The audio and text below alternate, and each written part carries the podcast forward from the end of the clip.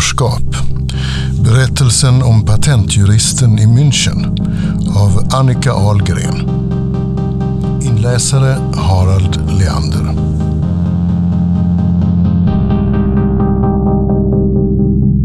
Imagination is more important than knowledge.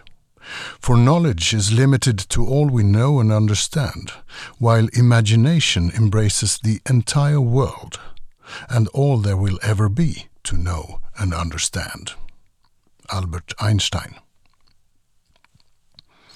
Till Filip och Lukas.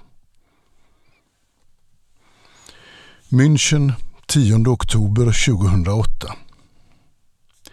Människan har i alla tider funderat över sin plats i universum. Partikelacceleratorn kan förse oss med fördjupad förståelse för gravitationsteorin och visa om en supersymmetrisk spegelvärld existerar. Det kan förändra människans världsbild totalt. Luca Vidali tittade upp från tidningsartikeln som beskrev vad som kunde hända om forskarna lyckades återskapa Big Bang. Skulle verkligen en så stor explosion som den som ägde rum för 13,7 miljarder år sedan kunna rekonstrueras?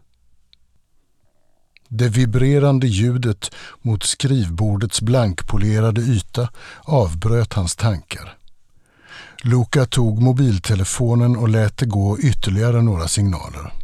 Han svängde runt kontorsstolen och tittade ut på en av Münchens högsta glasbyggnader. Fasaden reflekterade hösthimlen i ett kraftigt rosa skimrande sken. Han tog upp mobilen. Sofia? Kan du komma hem pappa? Mår mamma sämre? frågade Luca och lutade sig tillbaka i stolen. Han visste mycket väl varför hon ringde och kände ett obehagligt tryck över bröstet och snurrade tillbaka stolen mot skrivbordet. Hon vill inte gå upp ur sängen. Orkar hon inte? Är mamma ledsen? Han knappade på tangentbordet på datorn. Ta hand om Claudia tills jag kommer hem på lunchen. Gör en kopp te och prata med henne, är du snäll. Ti amo. Jag kommer hem om någon timme, Sofia. Älskar dig med, min ängel.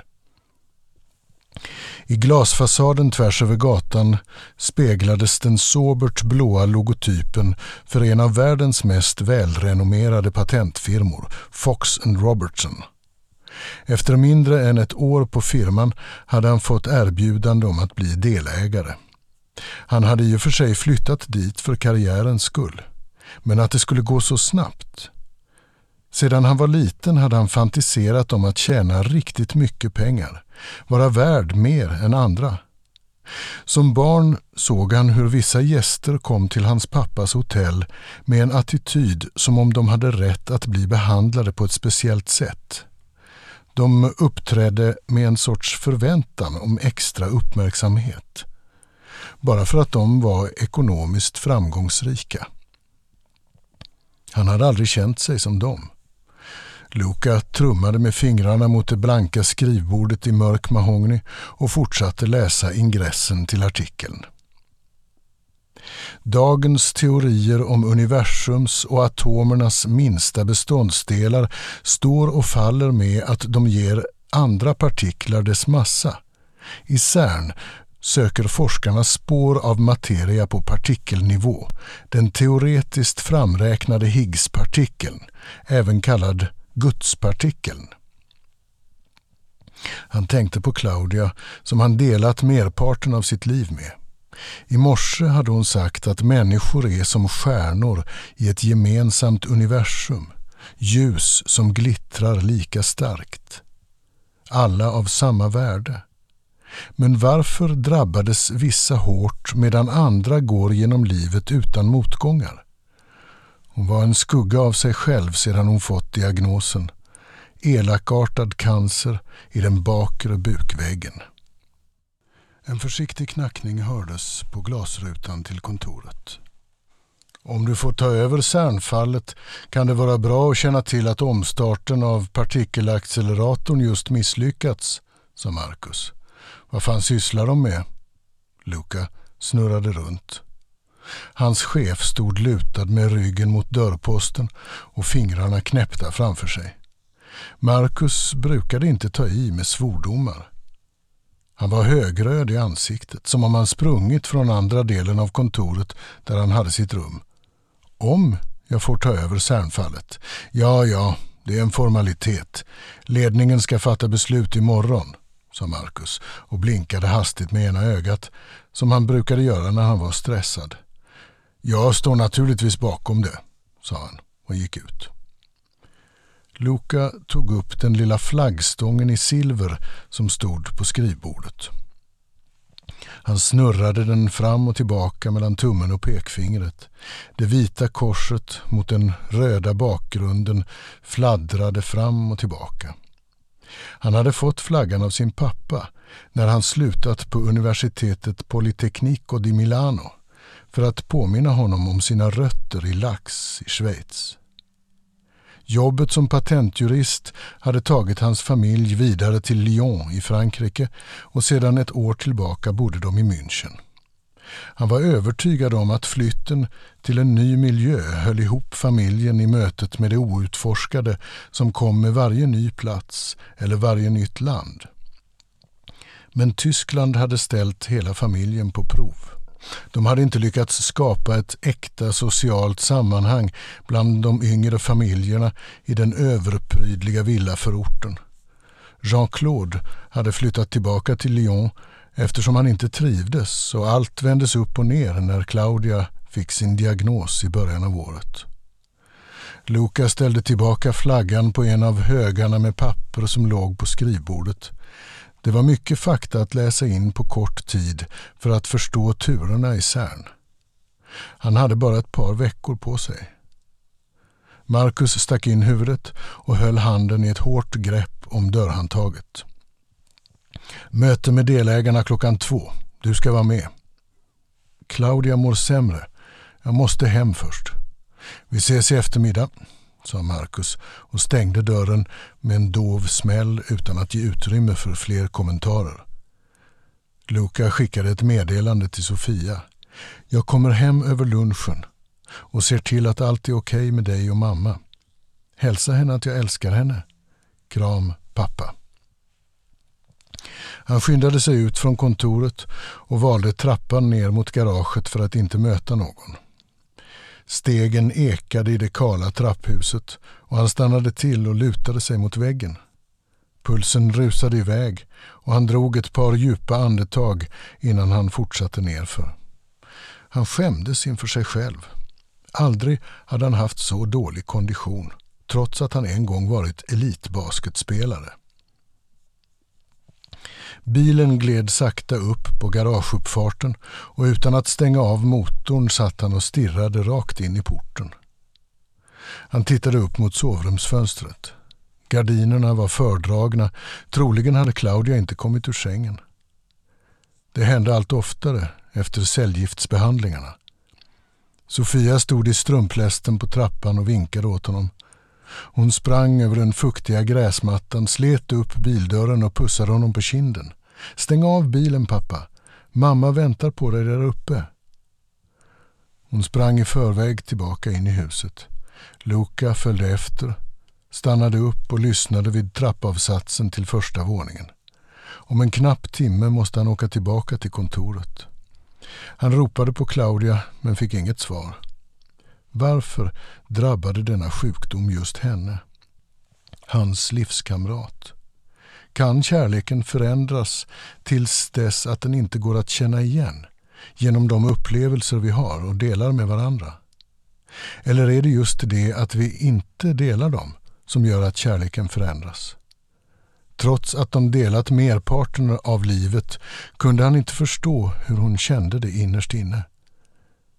Klyftan skapas kanske genom de outtalade tankar vi aldrig delar och därför skapar ett avstånd under svåra perioder. Han fortsatte upp mot sängkammaren, kikade in i det svagt upplysta rummet där han såg hennes kropp avteckna sig under täcket. Du behövde inte komma hem, sa hon och vände sig bort från honom. Jag kan stanna hos dig en stund, Claudia. Efter att hon fått sin första cellgiftsbehandling hade hon tappat sitt ljusa hår. Oftast täckte hon sitt kala huvud med sin blå New York Rangers-keps. Nu låg hennes skalliga huvud på sidan. Endast en svag ljusstrimma kom in genom gardinen och föll in på hennes kind. Han gick fram och strök med handen över hennes axel och satte sig på sängkanten. Hon mötte hans blick och log mot honom. Det var något frågande över hennes ansikte. Sofia ringde mig på jobbet, sa Luca och tog varsamt tag om hennes axlar och vände henne så att hon låg på rygg. Ska jag hjälpa dig upp? Jag kunde inte ta mig ur sängen. Plötsligt försvinner allt i mörker. Det finns inget som gör det värt att leva för oss. Familjen. Hon strök med fingrarna över täcket. Jag bad inte Sofia att ringa dig, sa hon och smekte honom över armen. Luca tog hennes hand i sin. Sofia har inte gått till skolan idag fastän jag sa till henne att ge sig av i morse, sa hon och kramade om hans handled. Han lossade försiktigt handen och slätade till täcket över hennes mage och suckade. Kan de inte bara operera dig snart? Han lyfte upp det inramade fotot på deras båda barn som stod på sängbordet. Hur eh, mår Jean-Claude? Den bilden tog du precis innan han flyttade ifrån oss. Har du pratat med honom på länge? frågade Luca. Claudia tittade ut genom fönstret. En kompakt himmel, grå och orörlig utanför. Vi pratar i telefon med varandra varje måndag, minst en timme. Jag saknar Jean-Claude varje dag, sa hon och mötte Lukas blick. Men han har inte hälsat på oss på flera månader. Luka tittade bort och satte försiktigt tillbaka fotot på bordet bredvid sängen. Det är inte rimligt att känna så starka band till barnen att vi lever helt utan mening när de inte är hos oss. Han är vuxen nu. Det kanske beror på att du blev sjuk att han inte kommer hem. Att han inte vågar se hur det är här. Är det inte bättre vi försöker lösa situationen? Du och jag. Luka tittade på henne. Hennes blick var svår att tolka. Den uttryckte känslor som han inte kände igen trots årtionden tillsammans. Det är din distanserade attityd gentemot honom som stör mig. Som om han inte existerar bara för att han inte gjort precis som du velat. Nu när jag är sjuk och ser ut så här, skäms du för mig då? Det skulle jag aldrig göra, Claudia. Han kysste henne lätt på pannan. Vid sidan om fotot på barnen stod ett foto från deras bröllopsfest. Han tog upp det och putsade glaset med baksidan av skjortärmen. Det var hans far som tagit bilden när de gifte sig i den lilla kyrkan i Lax. Byns bästa basketbollspelare gifte sig med en svenska och skulle flytta till Italien, börja på sitt första jobb som patentjurist i Milano och spela i italienska basketligan. Det var så underbart och känns inte som så länge sedan. Fast det är mer än 20 år sedan. Lång tid men också kort. Om den tar slut menar jag, sa Luca och satte tillbaka fotot. Bröllopsfesten på hotell Post hade samlat släkt och vänner. Hans far som ägde hotellet hade fyllt restaurangen med italienska, svenska och schweiziska pappersflaggor. Röda och vita blommor stod i små silvervaser. Borden var täckta av vita välpressade linnedukar. Allt var uppdukat med stor precision och omsorg. Du är otroligt vacker i brudklänningen, sa han. Fick syn på väckarklockan och såg att han redan hade bråttom för att hinna tillbaka till kontoret i tid. Ska jag hjälpa dig att komma upp ur sängen? frågade Luca och vek undan täcket för att ge stöd åt Claudias smala kropp. Jag hämtar en morgonrock, sa han och drog från gardinerna för att släppa in mer ljus. Åk du. Jag förstår att det inte är enkelt att hastigt ge sig av från kontoret. Du får prata med Sofia så att hon går till skolan. Claudia satte sig på knä, vänd mot sänggaveln. Med pekfingret följde hon den ljusgråa skälken på de späda blomrankorna på tapeten som hon själv hade designat. Mönstret vindlade upp mot taket och gav rummet en karaktär av skandinavisk enkelhet. Fingret gled långsamt ut mot bladen ett efter ett. Hon följde med fingrarna över tapeten så långt upp hon kunde nå.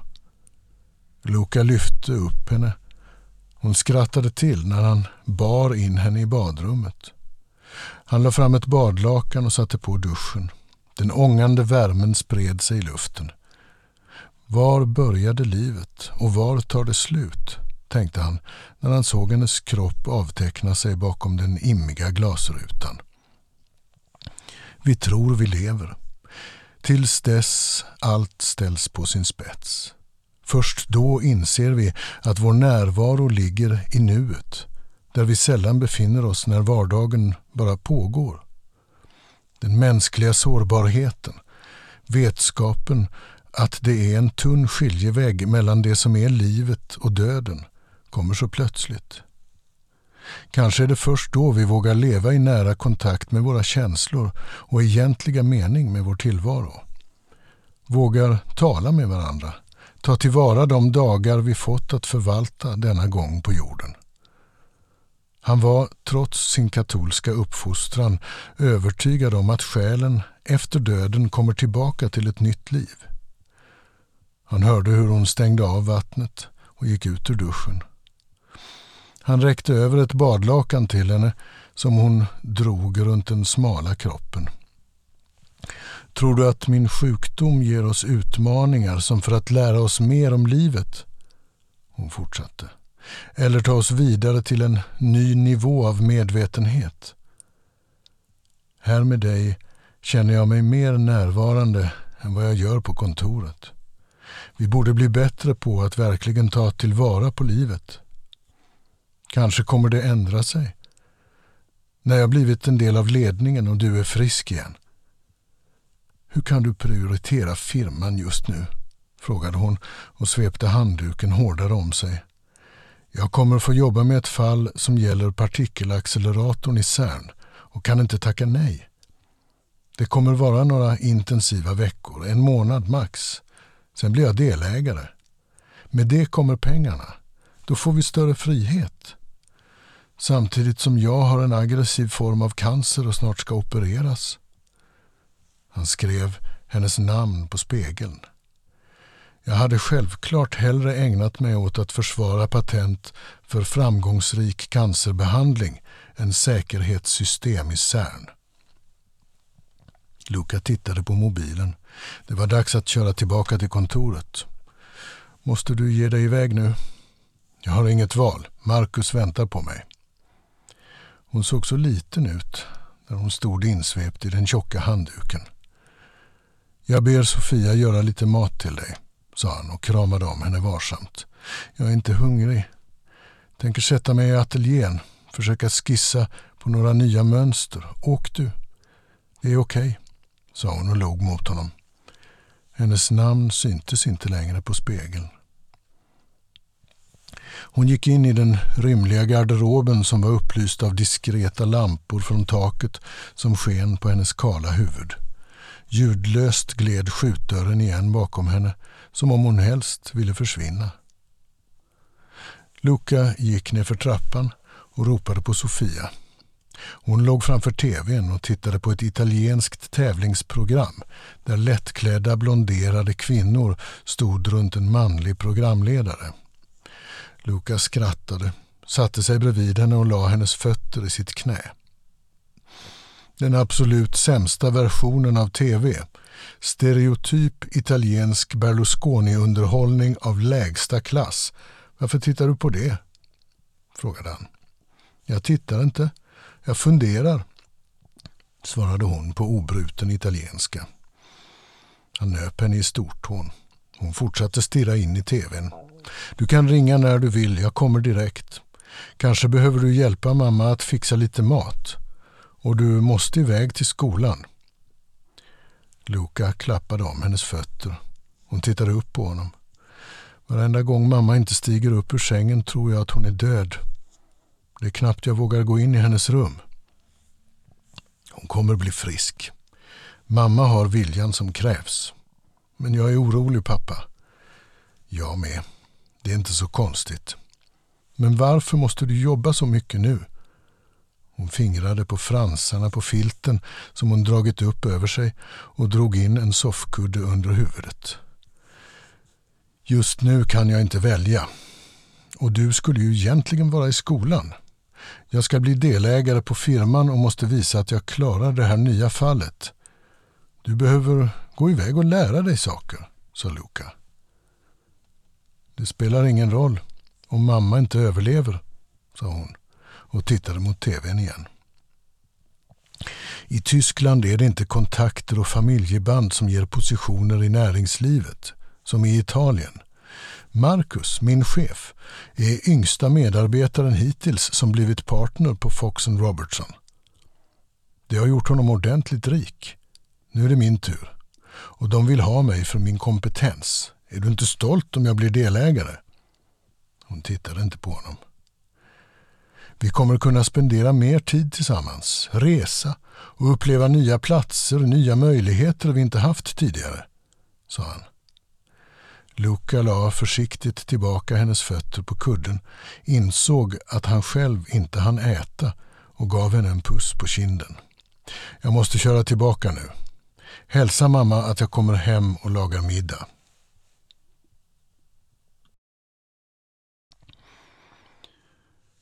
Palma, Mallorca, 10 oktober.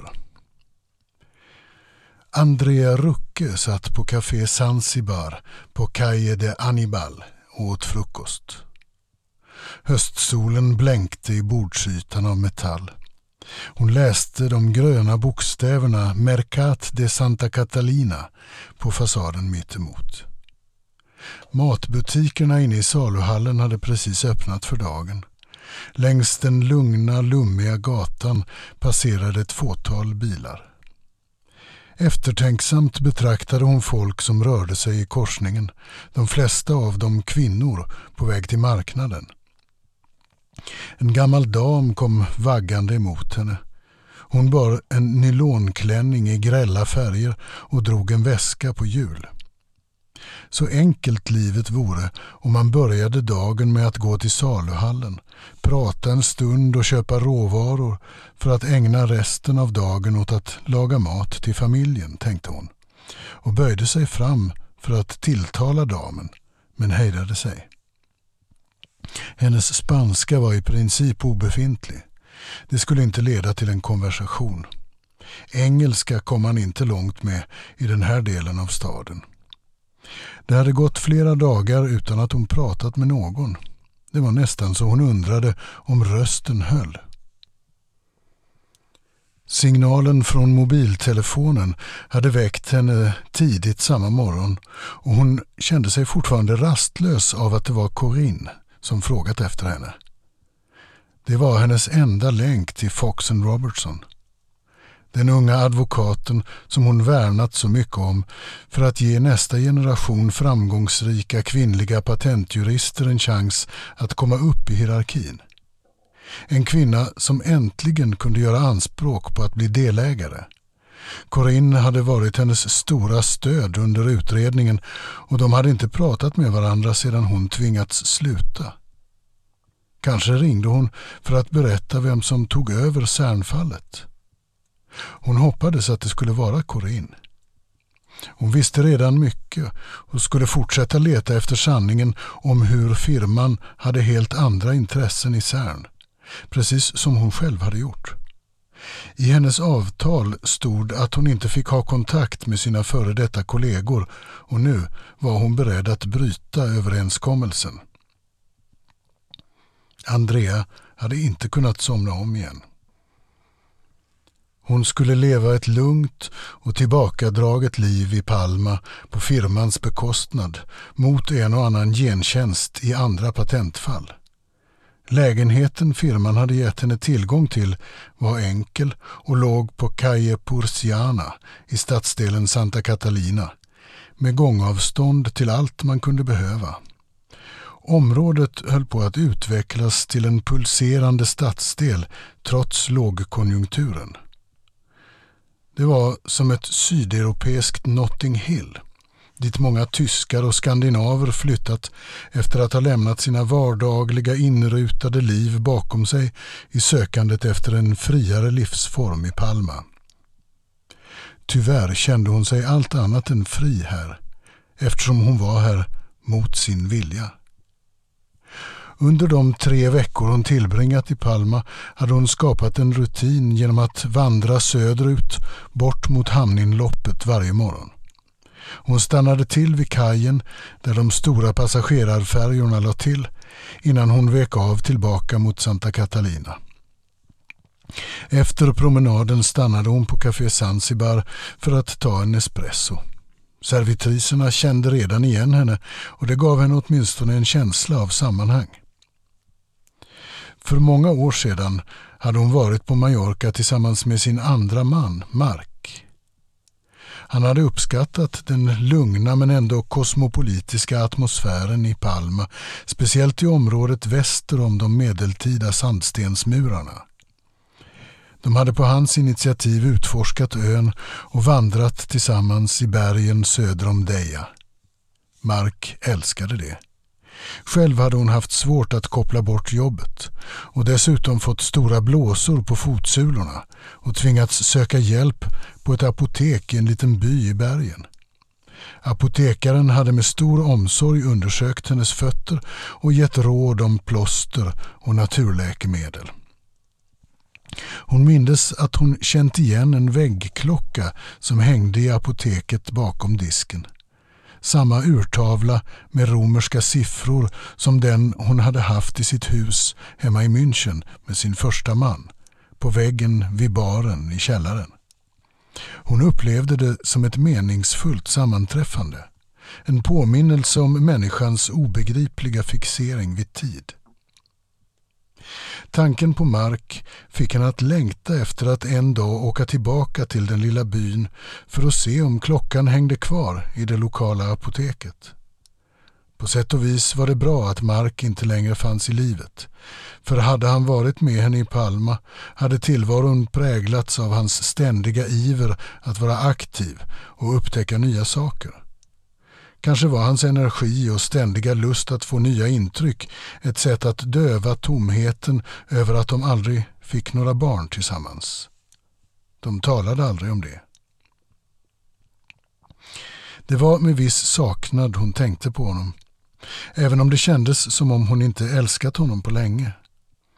Det hade ändå inte varit bra om han varit med henne nu i den här tillvaron som inte var speciellt flexibel. Det skulle han aldrig accepterat, tänkte hon och drack ur sitt kaffe.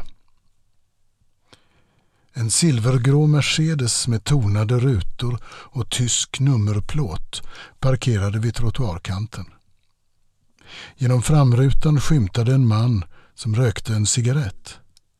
Han steg ur bilen, slängde en blick över axeln och gick mot saluhallen. Det mörka håret var bakåtkammat och han hade en välansad mustasch. Han bar en mörk kavaj av gammalt snitt och svarta jeans. Andrea följde honom med blicken. Efter att hon flyttat till Palma hade hon utvecklat en vana att lägga märke till meningslösa detaljer. Kanske berodde det på brist på sysselsättning, ensamhet eller oron över att någon verkade bevaka henne. Hon visste inte riktigt. Små tecken på att hon var iakttagen gjorde henne uppmärksam på personer som inte stämde in i miljön. Mannen gick över gatan, tog upp en ny cigarett ur ett etui och stannade till för att tända den. Silverlocket glänste till i morgonsolen när han slängde den brinnande tändstickan på gatan och skyndade in på marknaden vid hörnet mot Carrère de Broderskap. Berättelsen om patentjuristen i München av Annika Ahlgren. Inläsare Harald Leander.